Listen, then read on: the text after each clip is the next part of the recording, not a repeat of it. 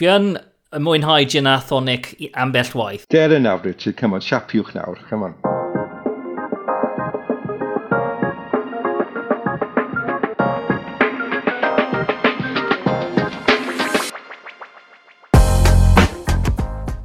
Helo a chroeso i hefyd, y podlediad am ddysgwyr Cymraeg gyda fi, Richard Nosworthy.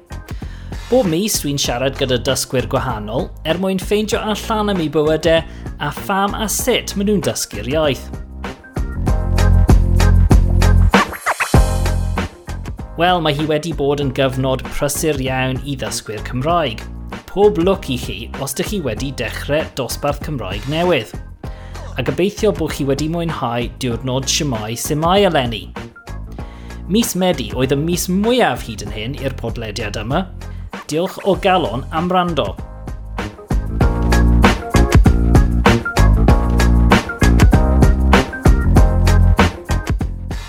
Mae gwestau arbennig iawn gyda ni y mis yma. Enillodd David Thomas wobr dysgwr Cymraeg y flwyddyn eleni yn yr Eisteddfod Genedlaethol. Yn reiddiol o Gardydd, roedd e'n byw yn Lloegr am flynyddoedd, ond mae wedi symud yn ôl i Gymru gyda'i ŵr. Mae David yn cadw anifeiliaid ac mae e'n redeg cwmni gin. Mae e'n awyddus iawn i ddefnyddio'r Gymraeg yn y gymuned. David, croeso mawr i'r podlediad. O, diolch yn fawr. Diolch am yr uh, wahoddiad. Croeso, a llongofachiadau ar ennill dysgwr y flwyddyn. Sut mae hynny yn teimlo? O, oh, mae'n anhygoel, uh, wir i chi. Um, yeah. Mae'r ma iaith Cymraeg yn rhywbeth, yn rhywbeth pwysig iawn i fi, felly cael fe yn webi oedd yn, yn arbennig iawn, heb sôn am gyrraedd yr amddiffyn ac uh, ennill y wobr. Ie, yeah, anodd credu mewn ffordd. Beth mae'r ymateb wedi bod uh, ymhlith uh, dy ffrindiau ac ati? Wel, mae'n rhyfedd achos dwi'n ddim yn gwybod pa mor bwysig oedd yn wobr yn Gymru, achos uh, yeah, mae'r ma pobl yr ardal um, yn mor brawd uh, o hwnna i, ond hefyd yn ddiweddar, dwi wedi bod yn y, yn y dre yn gyfyrddin, uh, mae'r ma pobl yn, yn agosau ata i, i, i fy nongyfarchu i, i ddweud, o, oh, you know, chi wedi gwneud job da iawn ni mor prawd uh, mae rhywun o'r ardal wedi, wedi ennill. So, yeah, mae'n uh, mae amlwg bod yr dysgol y flwyddyn yn rhywbeth bwysig iawn yn Gymru. Gwych iawn. Ydy, yn sicr. A mae, mae hyn yn stori diddorol iawn achos, wrth gwrs, um, fel bob dysgwr, rwy ti wedi dechrau dy fywyd ddim yn siarad Cymroeg, ond wrth gwrs, ti wedi tyfu lan yng Nghymru, yng Nghyrdydd. Um, felly, um, be digwyddodd yn dy blentyndod di oedd dim cyfle i siarad Cymroeg pryd hynny felly? Ie, yeah, wel, ges i fy magu yn ystod yr 70au ac 80au yn Caerdydd. Um, mewn ardal fel i lle di-Gymraeg, dwedwn ni, um, mewn teulu hollol um, di-Gymraeg. A doedd dim cyfle i fi uh, ddysgu'r iaith uh, yn yr ysgol am, am uh, rhyw reswm. Es i i'r ysgol um, catoleg, felly sa'n siŵr ond ar y pryd doedd, doedd dim Gymraeg o gwbl.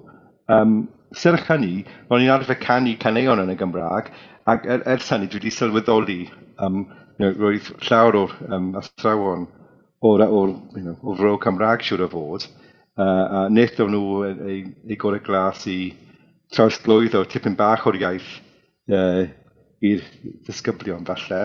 Ond e, ie, uh, yeah, ges i fy magu mewn um, gymuned hollol di Gymraeg. A wrth gwrs, ar y pryd, ro'n i'n ymwybodol am yr iaith, ond roedd yn um, well, rhywbeth um, i bobl eraill falle, uh, rhywbeth ar y teledu, uh, weithiau, rhywbeth uh, ar gyfer pobl posh, pobl wahanol falle.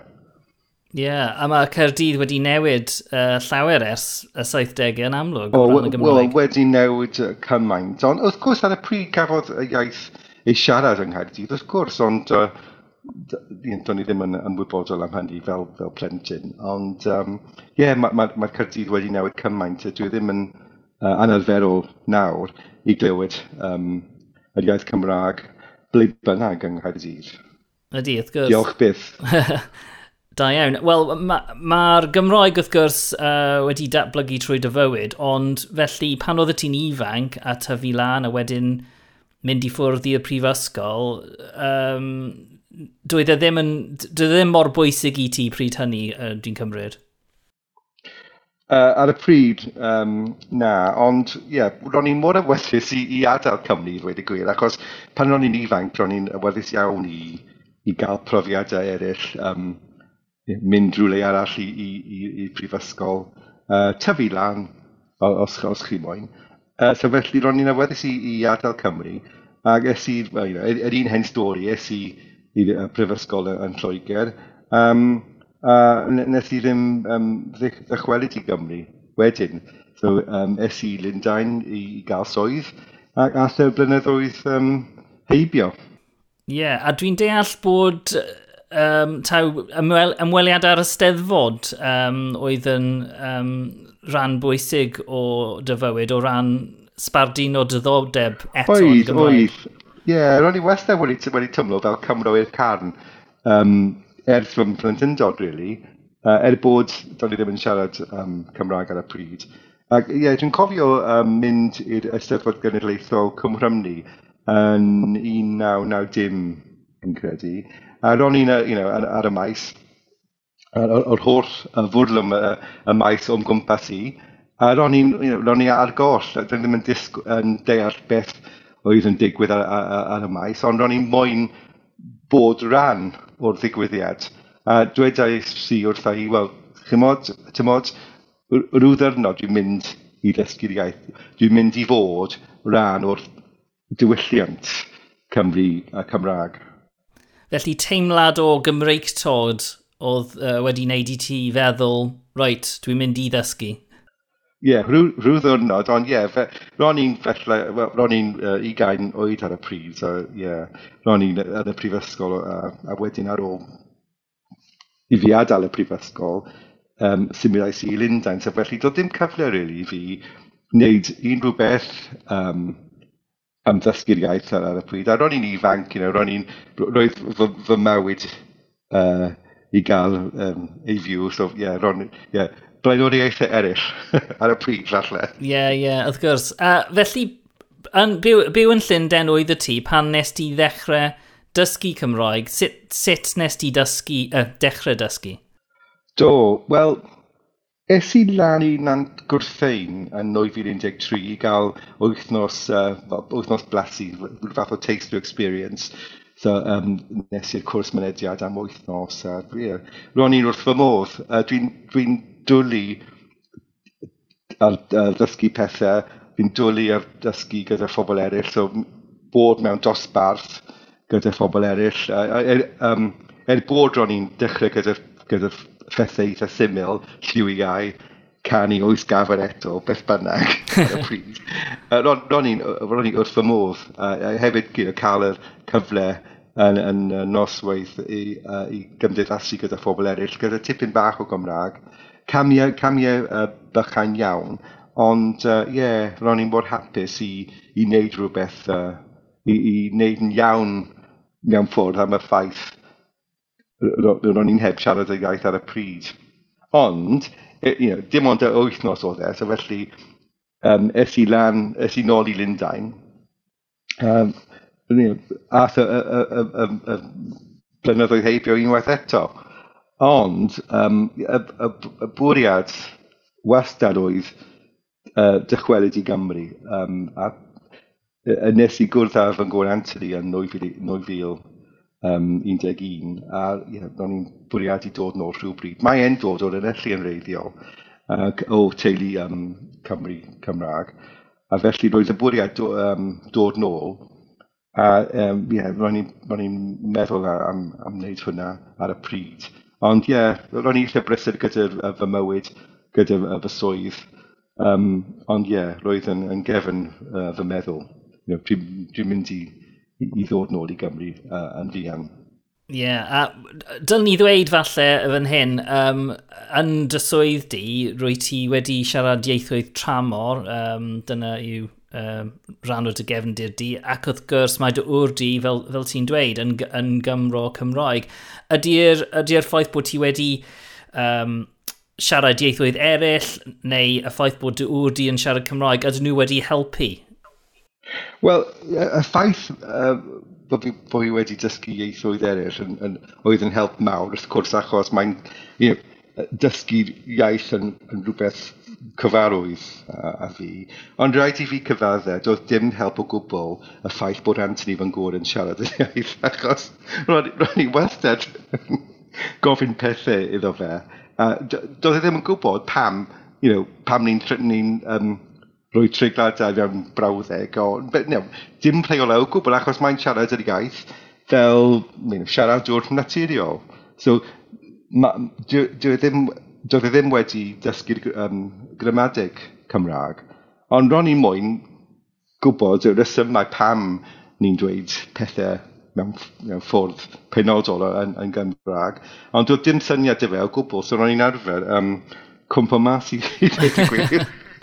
Mae'n gallu bod yn, yn her weithiau, yn dydy, i fyw gyda rhywun sy'n siarad y iaith. Mae'n mae yeah. mae, mae gyfle, ond hefyd mae, dwi e ddim wastad yn, an, um, yn hawdd i yeah. gael sgyrsiau pan dych chi'n dechrau dysgu yn arbennig. Ie. Yeah. So, yeah, um, roedd uh, Anthony yn arfer um, dweud, um, well, you know, ti'n ti, ti gofyn gormod o gwestiynau, sa'n gwybod o, you know, so, mae, mae en siarad i, you know, iaith Cymraeg yn dda iawn, ond fel llawer o, o, o siaradwyr rhugl yn y Gymru, byddai'n dweud, o, oh, dw, dw Gymraeg ddim yn, yn ddigon dda. Mae, mae, yeah, mae rhyw fath o complex gyda phobl Cymru weithiau fi'n credu yn cyn ar Gymraeg, achos does neb yn, yn credu bod y Gymraeg nhw yn ddigon dda. Ie, yeah, ie. Yeah. Wel, ti wedi yn amlwg datblygu beth bynnag yn y Gymraeg er mwyn dod uh, at, uh, i le rwy ti nawr. Ond um, roedd ti'n sôn am symud i Gymru, felly sut digwyddodd hynny? Pam benderfynus ti symud yn ôl? Wel, chymod, um, Cymro gore, Cymro oedd i gartre. Uh, yeah. Yn ystod fy, fy mywyd uh, dros y ffin, mae'n arfer dilyn uh, stori a newyddion uh, Cymru cael diw mewn cysylltiad gyda, uh, gyda theulu a ffrindiau yn Gymru. So ro'n i'n meddwl am Gymru trwy'r amser. Uh, yeah, a fel dweud y y bwriad oedd dod nôl. So felly, um, prynon ni um, tŷ yn yr arfoldi'r sydd y gyfyrddin yn Glanefferi, achos dath Anthony o'n enellu yn reiddiol, uh, a wedyn um, wnaethon ni you know, newid ein bywydau, really, achos ro'n i'n lwcus achos ro'n i'n gallu, cyn y pandemig, ro'n i'n gallu, ro'n i'n gallu gweithio um, uh, ble bynnag, really, so doedd dim rhaid i, i ni bod yn Llundain trwy'r amser, ond roedd rhaid i ni fod yn Llundain you know, yn aml iawn. Uh, so ro'n i'n arfer um, mynd uh, a dod. Ond, yeah, yeah, you tynwyd fi nôl i Gymru, pan, you know, pob amser pan ro'n i'n gorfod mynd nôl i Lundain, uh, ro'n i'n gweld eisiau Cymru cymaint, you know, no, nos Sil, you know, dal y tren nôl i, i Paddington, no, ro'n i'n arfer meddwl, o, sa'n sa moyn mynd, you know, ma, you know, dwi'n moyn aros yn Gymru. Rhywbeth, um, wel, eitha cyffredin siwr o fod, i, i, i, i bobl Cymru sy'n sy byw dros y ffin. Ond ie, yeah, penderfynon ni newid ein, ein bywydau a, a wneud camiau e-, e-, bychain i, i ail sefydlu ni uh, yn Gymru. A wedyn, ro'n i'n moyn prynu um, ffarm bach gyda'r gyda thir er mwyn cadw anifeiliad. So felly, um, ffindon ni tŷ, uh, well, tŷ, hen, hen tŷ ffarm uh, gyda'r tipyn bach o dir uh, yn, yn halog yn, uh, yn gwrllawin Sir Gyferddin. Hyfryd iawn. So dweud, dweud ychydig wrtho fi am y bywyd uh, rydych chi'n byw a, a, ar y fferm, pa anifeiliaid sydd gyda chi uh, fanna? Wel, ie, yeah, dyna yeah, benod hollol newydd i fi, achos dwi'n tewni uh, i'r carn, ond mae Anthony yn dod o teulu amaethyddol yn reiddiol. So, um, nid o bed, dwi ddim yn, yn rhywbeth newydd neu rhywbeth arbennig o gwbl. Ond i fi, you know, you know, mae Anthony yn dweud, you know, ro'n i'n fel Margo o'r, or cyfres y Good Life, you know, gyda'r, you know, wellies newydd. Yn cwmpo y mwd. po, ie, yeah, popeth yn lar. yeah. Yeah. Uh, ond, um, yeah, um, ni'n cadw anifeiliad, uh, so, um, dyfaid balwen, mae ma, ma, ma balwens yn dod o Sir Cyfyrddin yn reiddiol, Um, maen nhw'n ma nhw hyfryd, a ni'n dwlu arnyn nhw. A hefyd mae ma, um, goeddau, gys, gys dyn ni. Um, ni'n cadw gwenyn, uh, ieir, um, moch weithiau, ond dim ar hyn o bryd. So, ie, yeah, ni'n ni byw ar, ar bywyd uh, delfrydol cefn gwlad mewn ffordd. Ond, ond you know, peth pwysig i, i ni hefyd oedd, you know, ni'n byw nawr yn y fro Gymraeg mewn ardal ble you know, mwyafrif o bobl yn, yn siarad yr iaith. Ie, yeah, ie, yeah, yn sicr. O'n i'n mynd i symud ymlaen at y iaith Gymraeg achos, wel, yn gyntaf, um, mae'n rhaid bod symud nôl i Gymru wedi rhoi cyfleoedd newydd i ti uh, ddysgu a datblygu dysgiliau iaith ti. Ond bendant, ie. Yeah. So pan, pan o'n i'n yn Llundain, o'n you know, o'n i'n gwybod o'n i'n ar fi'n dod nôl i Gymru, dechreuais i gyda'r Say Something in Welsh yn y car ar y ffordd i'r swyddfa pob dydd a, um, a wneud, gwneud saethyn yn Welsh wedi helpu, mi, helpu fi cymaint. Um, mae'n mae wych, mae'n mae, mae gweithio dda iawn. Ond um, pan symud yn ei nôl i Gymru, o'n i'n mwyn you know, dysgu you know, um, rhan amser i wneud rhywbeth uh, i helpu fi um, ddatblygu'r iaith. So felly, uh, ffindes i uh, cwrs ar-lein gyda'r Phrifysgol Llambed, Um, yn ar y pryd, doedd ddim yn gwybod pa safon really o, um, o'n i'n ar y pryd. So felly, uh, fe nes i uh, hala e-bost at y, y tutor um, a, i, i ddweud, wel, sa'n siŵr beth i'w wneud, really. A dwedodd hi ata i, wel, um, dwi'n credu uh, bydde di'n iawn yn yr um, dosbarth uh, canolradd. So felly, dwi, um, dwi byth wedi wneud y, y safon um, sylfaen yn y Gymraeg. So siwr o fod, mae llawer o, o um, tyllau yn, yn, yn fy Nghymraeg i. Wel, Dwi ddim yn swnio fel na i fi, ond uh, yeah, yn amlwg roedd y ti wedi dysgu digon er mwyn symud ymlaen um, yn gyflym. Felly, rwy ti wedi bod yn neud, ers symud ôl i Gymru, rwy ti wedi bod yn neud uh, dysgu ar-lein a hefyd mynd i ddosbarthiadau? Ie, yeah, wel, yn gyntaf, um, you know, roedd yr um, y cwrs ar-lein eitha dwys. So roedd llawer o, o um, waith i, i, i wneud, ond hefyd roedd y um, gwaith cartra yn eitha anodd. Ro'n, i'n cof, dwi'n cofio cyfieithu um, pethau ynglyn â'r yswiriant car neu mewn mewnforio car i, i, i Brydain. You know, pethau cymleth iawn i fi, i fi ar y pryd. Pethau cymleth nawr, really. So felly, ie, roedd yn cam mawr i, i fi ar y pryd. Ond y peth um, gwych hefyd oedd, you know, unwaith yr, wyth, uh, unwaith yr, y flwyddyn, roedd cyfle i fynd i Lambed i gael wythnos um, wyneb a wyneb. A, you know, cyfle i gwrdd a, a, a phobl eraill ar, ar y cwrs, cyfle i gymdeithasu yn y nos gyda phobl eraill. So, ie, yeah, roedd yn profiad uh, anhygoel i fi. Ie, yeah, a dyna profiad mae llawer o bobl wedi colli dros y pandemig wrth gwrs, y cyf oh, cyfle bendant, i weld pobl eraill. Um, yeah. Ond um, yr elfen arall o ddysgu, wrth gwrs, yw, um, fel nes ti sôn, defnyddio'r Gymraeg yn y gymuned, yn y fro Gymraeg. Um, mm. Faint o ran mae hynny wedi chwarae yn, um, yn y ffordd rwy ti wedi dysgu? Wel, mae ma, ma wedi helpu fi cymaint achos you know, dysgu'r iaith yn gallu bod yn rhywbeth eitha theoretical heb ddefnyddio'r iaith you know, yn aml iawn. So felly'r ffaith bod ni wedi symud i'r ardal um, yn y fro Gymraeg, y ffaith bod cymdogion ni uh, pentrefwyr yn siarad yr iaith hefyd uh, wedi helpu fi, achos mae'r ma pobl yr ardal talog wedi bod mor gefnogol i fi, wedi helpu, helpu fi i ddatblygu'r iaith, you know, sôn so, byth wedi cywiro fi byth wedi troi y Saesneg, er bod ar y pryd roedd fy Gymraeg yn eitha syml, really. Um, yeah, mae'r ma cymuned wedi helpu, helpu fi cymaint. Hefyd, you know, dwi wedi sylweddoli ar, you know, do'n i ddim yn gwybod hwnna cyn i ni symud i dalog, ond weithiau yn yr ffrwg Gymraeg, mae'r ma dau gymuned yn bodoli um, yn, yn yr un lle. So felly, you know, pobl Cymru Cymraeg, pobl amaethyddol, teuluoedd sydd wedi byw uh, yn yr ardal ers canrif oedd gyda'r you know, gwreiddiau dwfn iawn, ac wedyn y pobl sydd wedi symud iawn. Pobl fel ni mewn ffordd, ond i ddweud y gwir, yr rhan fwyaf o bobl sydd wedi symud mewn, yn pobl o'r dros y ffin, pobl di-Gymraeg hefyd. A, you know, dwi wedi darganfod, you know, does dim llawer o diddordeb weithiau uh, yn cyn ar ddysgu'r iaith. Ac, you know, ar y pryd, um, you know, cafodd digwyddiadau um, eu trefnu yn y 90 pentra, you know, dim ond yn, yn, yn Saesneg, o, falle, o hefyd, um, you know, roedd yr, yr, yr wefan cymdeithasol uh, uh, dim ond yn Saesneg hefyd ar y pryd.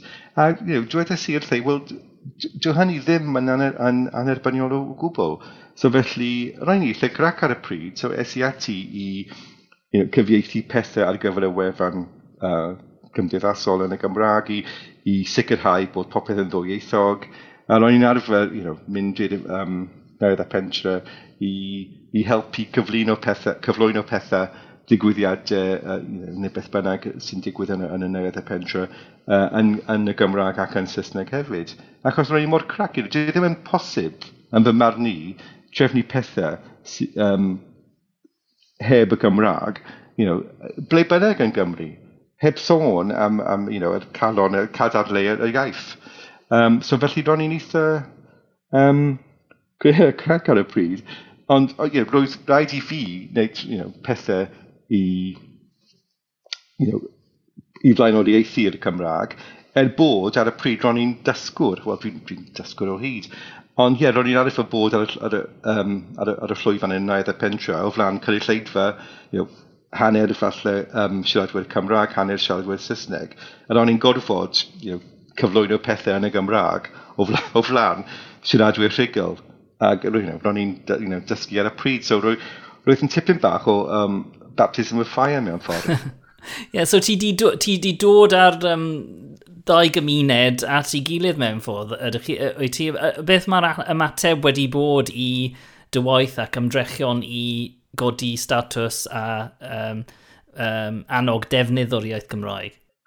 Wel, dwi'n credu, ie, yeah, bod you know, llawer o bobl wedi gweith, gweithfarogi y peth um, you know, fy mod i wedi ymdrechu i, i, i wneud pethau yn, ddo, yn ddwyieithog, ond um, ie, yeah, mae'n anodd achos dwi wedi sylweddoli you know, bod you know, mae'r dau gymuned yn byw uh, ar wahân mewn ffordd um, mae'n mae drist iawn, really. A sa'n siŵr weithiau os you know, mae'r pobl sy'n symud i'r ardal yn sylweddoli pa mor pwysig ydy'r iaith Cymraeg i'r um, diwylliant uh, uh, leol yn Gymru. Ie, yeah, ie. Yeah. Uh, pa fath o, nes ti sôn am uh, y ffaith bod ti wedi ymuno a gweithgareddau neu wedi siarad gyda cymdogion yn Gymraeg, pa fath o gyfleoedd ges ti pan symudus di nôl i Gymru? Pa fath o weithgareddau um, sy'n digwydd yn yr ardal?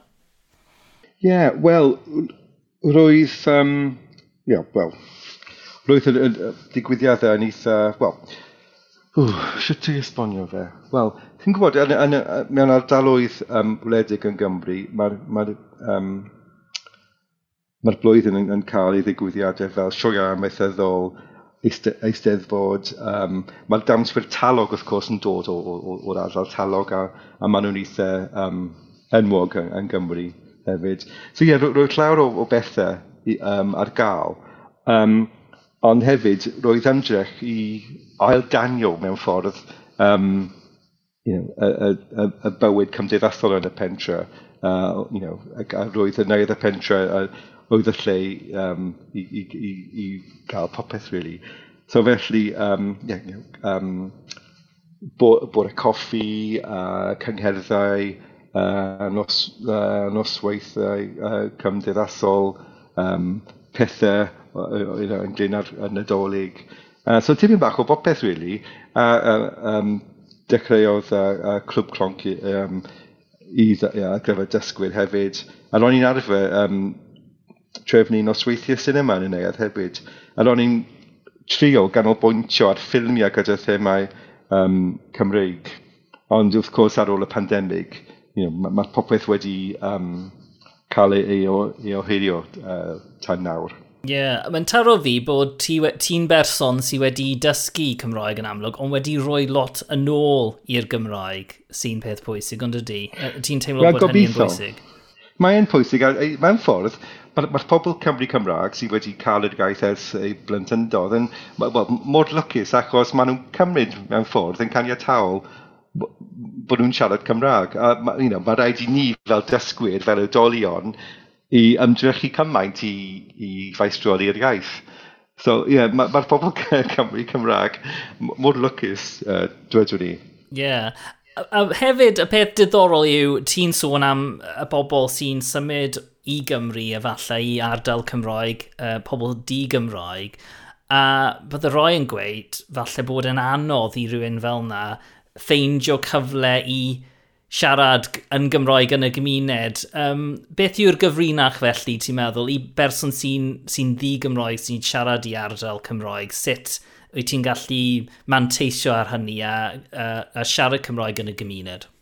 O, am, am gwestiwn. Wel, yn gyntaf, right, you know, rhaid i bobl sylweddoli pa mor bwysig ydy'r iaith yn, yn Gymru i'r um, gymunedau uh, uh, um, uh, yn ardaloedd fel Sir Gyfyrddin. Ond hefyd, um, mae rhaid i ni sylweddoli bod yr iaith Cymraeg yn rhywbeth sy'n sy, cael ei siarad, sy'n um, ychwanegu cymaint i'r gymunedau um, yn, yn y fro Gymraeg. Achos mae'r ma, ma llawer o bobl wedi dweud wrth ei, o, oh, dyn ddim yn sylweddoli bod pobl yn siarad Cymraeg pob dydd. Wel, ie, yeah, ydyn, maen nhw'n siarad Cymraeg pob dydd. Ond hefyd, you know, mae'r ma pobl yn, yn dweud, dweud you know, un hen bethau fel, o, o, dwi'n anobeithio gyda ieithioedd, o, mae'r Cymraeg yn rhi anodd, o, sa'n gwybod, um, dwi, does dim amser dy fi, you know, excuses, you know, yr, yr un bethau. Ond, on, um, yeah, dwedwn ni, you know, mae'r ma, ma, Cymraeg yn perthyn i ni gyd yn Gymru. Mae'r Cymraeg um, ar gafael pawb uh, mewn gwirionedd. Um, ni'n bod lycus achos mae'r Cymraeg uh, yn gwmpas ni. Um, Teswn ni um, dysgu ar Almaeneg neu Sbaeneg neu iaith arall, you know, bydd rhaid i, bydde rhaid i fi fynd i'r wlad i, i cael y profiad yr iaith. Ond yn Gymru, ni'n gallu cael y profiad yr iaith pob dydd. Mae nhw'n gwmpas ni, mae'n mae cael ei siarad um, ar y strydoedd, uh, mae llawer o adnoddau ar gael uh, i bobl sy'n mwyn dysgu. Um, you know, mae'r iaith Cymraeg ar, ar, y radio, ar y teledu. Um, you know, mewn ffordd, ni'n bod lycus rili i fyw yn Gymru, achos mae'r ma, ma, ma cymaint o bethau ar gael i helpu bobl i ddysgu. Oes, oes. Ac yn sicr, rwy ti wedi llwyddo o ran dysgu gan bod ti wedi defnyddio'r wobr bwysig yma. Um, ond mae, mae dysgu iaith yn her. I bobl eraill sy'n dysgu Cymraeg, oes unrhyw cyngor gyda ti o ran sut i ddysgu a beth sy'n gallu helpu pobl i ddysgu? O, oh, ie, yeah, ie. Yeah. Sa'n so, mwyn uh, bychanu'r problemau mae'r pobl yn cael uh, i, i ddysgu'r iaith, mae'n gallu bod yn anodd. Mae'r mae iaith Cymraeg yn gallu bod yn you know, gamleth, wrth gwrs, you know, mae pawb yn gwybod uh, hynny. Ond, dweud ni, wel, well, dweda ni, well, yn gyntaf, you know, mae'n bwysig iawn rwy um, parch i'r iaith. Um, Derbyn bod pobl yn siarad yr iaith you know, o, pob dydd, a mae'r ma, ma, ma iaith Cymraeg yn rhywbeth pwysig i Gymru. Felly, you know, fel, well, Mae'n bwysig iawn fi'n credu wneud rhywbeth pob dydd, a wneud rhywbeth bach pob dydd, achos mae, you know, fel dys, dysgwyr, yn aml iawn fi'n credu, ni'n roi'r e'r Cymraeg mewn blwch, you know, in a box. Mae'n rhywbeth you know, i, i, i gael ei tynnu mas i'n waith yr, yr wythnos pan ti'n mynd i'r dosbarth neu you know, pan ti'n cael gwaith cartre. Ond mae'n bwysig wneud, popeth, wneud rhywbeth yn y Gymraeg pob dydd uh, dywedwn ni. Uh, mae'n gallu bod ni'n gwrando ar y radio, edrych ar y newyddion ar y teledu, uh, cael sgwrs gyda'r um, uh, cymdogion, uh, beth bynnag, really. Ond wneud popeth, wneud rhywbeth bach um, pob dydd. So, er enghraifft, eleni, um, ar, um, ar tro cynta, fe nes i gwblhau'r um, ffurflen y cyfrifiad, y census form, yn y Gymraeg, a ro'n i mor prawd ohono fe. Ond ie, yeah, mae'n mae bosib wneud rhywbeth yn y Gymraeg pob dydd. Uh, a mae'n mae help mawr. Ydy, ydy. Wel, mae, mae hynny yn tip eitha da. Dwi'n meddwl bydd hynny yn helpu llawer o bobl. Just ffeindio, yeah, ffeindio pethau bach bob dydd os, os, os, os wyt ti'n gallu. A falle i bobl sydd ddim yn byw mewn ardal mor Gymraeg a ti, falle bod na pethau maen nhw'n gallu wneud ar-lein neu um, yeah, well, ar, ar, radio. Yn bendant. Um, yeah, so dwi'n dwi cofio pan ro'n i'n um, dechrau dysgu, O'n i'n arfer gwrando ar Radio Cymru, a ro'n i'n ar goll. Do'n i ddim yn deall dim byd o gwbl. A dwi'n hesi wrth i, o, oh, mae'n mae anodd, you know, mae'n amposib, you know, dwi'n dwi ar goll. Ond, yn araf bach, you know, mae'r mae Cymraeg yn dod. So felly, um, cewch, uh, you know, y radio, um, you know, yn, yn, yn y gefndir, you know, edrychwch ar, ar y teledu. Falle, you know, dwi'n um, gaeth i newyddion, I'm, I'm a news addict. So felly, Mae'n help mawr hefyd, os, os chi'n chi hoff iawn o, o'r newyddion, o current affairs, um, you know, gwrando ar y newyddion yn y Gymraeg achos ti di, gweld y, y, y, y brif benawdau yn barod yn, yn Saesneg. So falle ti'n ti gallu cysylltu y, y dau beth, really. Mm. So dyna rhywbeth dwi wedi wneud, sydd yeah. sy wedi helpu fi. Gwych, da iawn. A beth am um, uh, yr elfen arall o'ch bywyd chi? Uh, Mae'n rhoi i fi siarad am y gin, David. Uh, beth sy'n digwydd gyda gin?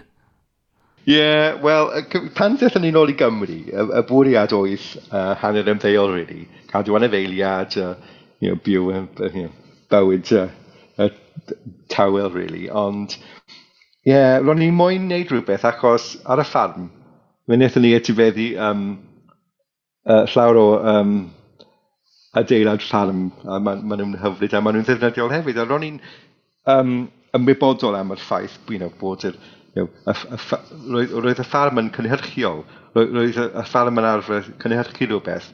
So felly ro'n i'n mwyn cynhyrchu rhywbeth hefyd.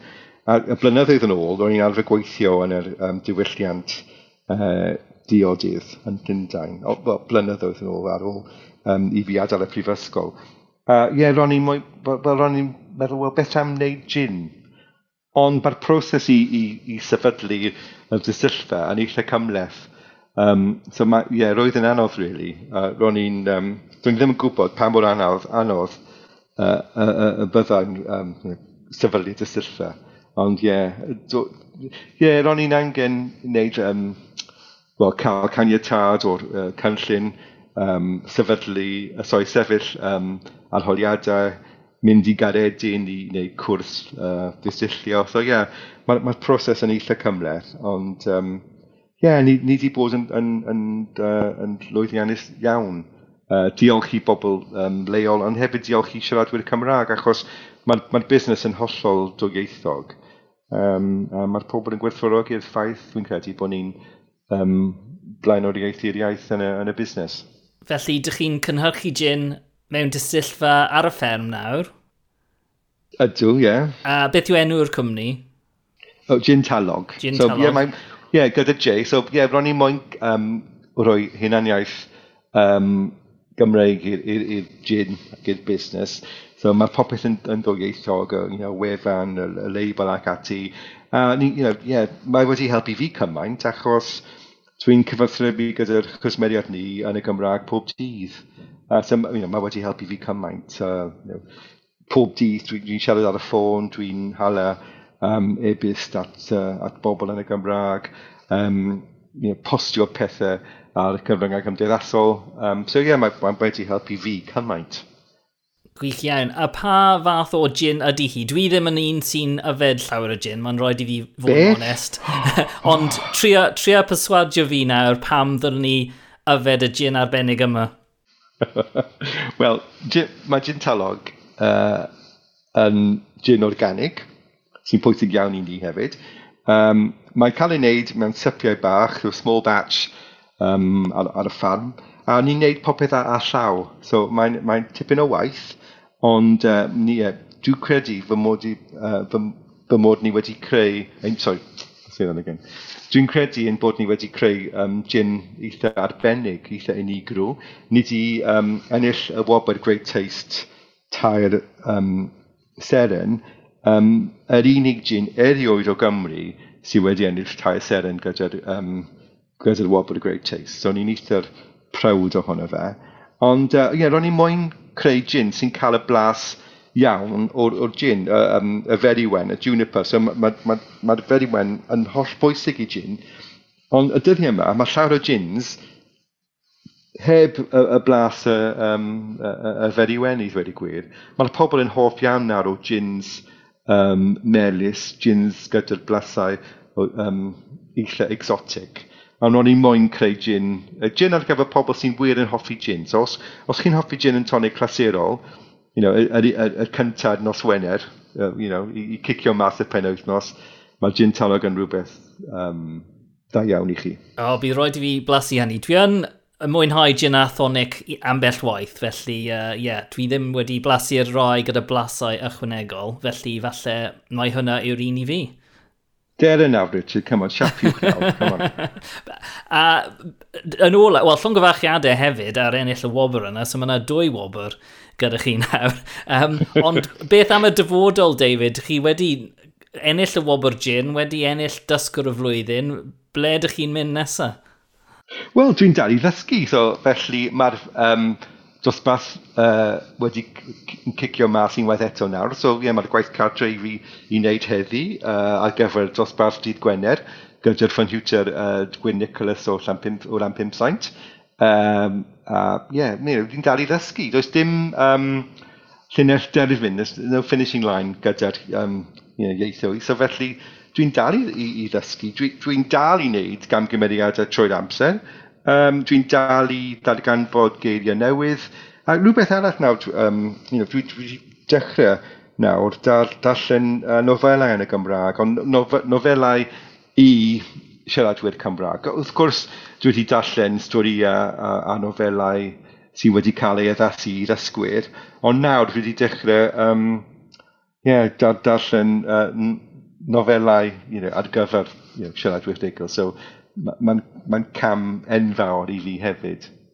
Wel, da iawn, da iawn i ti am popeth ti wedi wneud uh, yn arbennig roi cymaint nôl i'r Gymraeg ar ôl uh, dechrau'r proses o ddysgu Cymraeg. Uh, Dwi'n siŵr bod ti wedi cyfrannu ac yn mynd i gyfrannu llawer i'r gymuned. So, diolch yn fawr am siarad gyda fi heddiw, David, a pob lwc gyda, gyda gin a pob menter arall. Pleser mawr, diolch, diolch i chi. Thank you.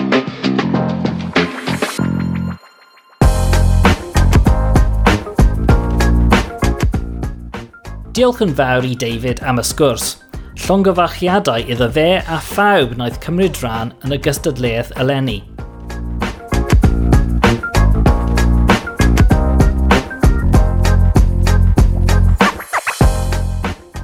Os ydych chi wedi mwynhau'r penod yma, beth am dan ysgrifio trwy Apple Podcasts neu eich hoff app a gadael adolygiad. Byddai nôl y mis nesaf gyda gwestai arall. Tan hynny, Diolch am rando a hwyl fawr.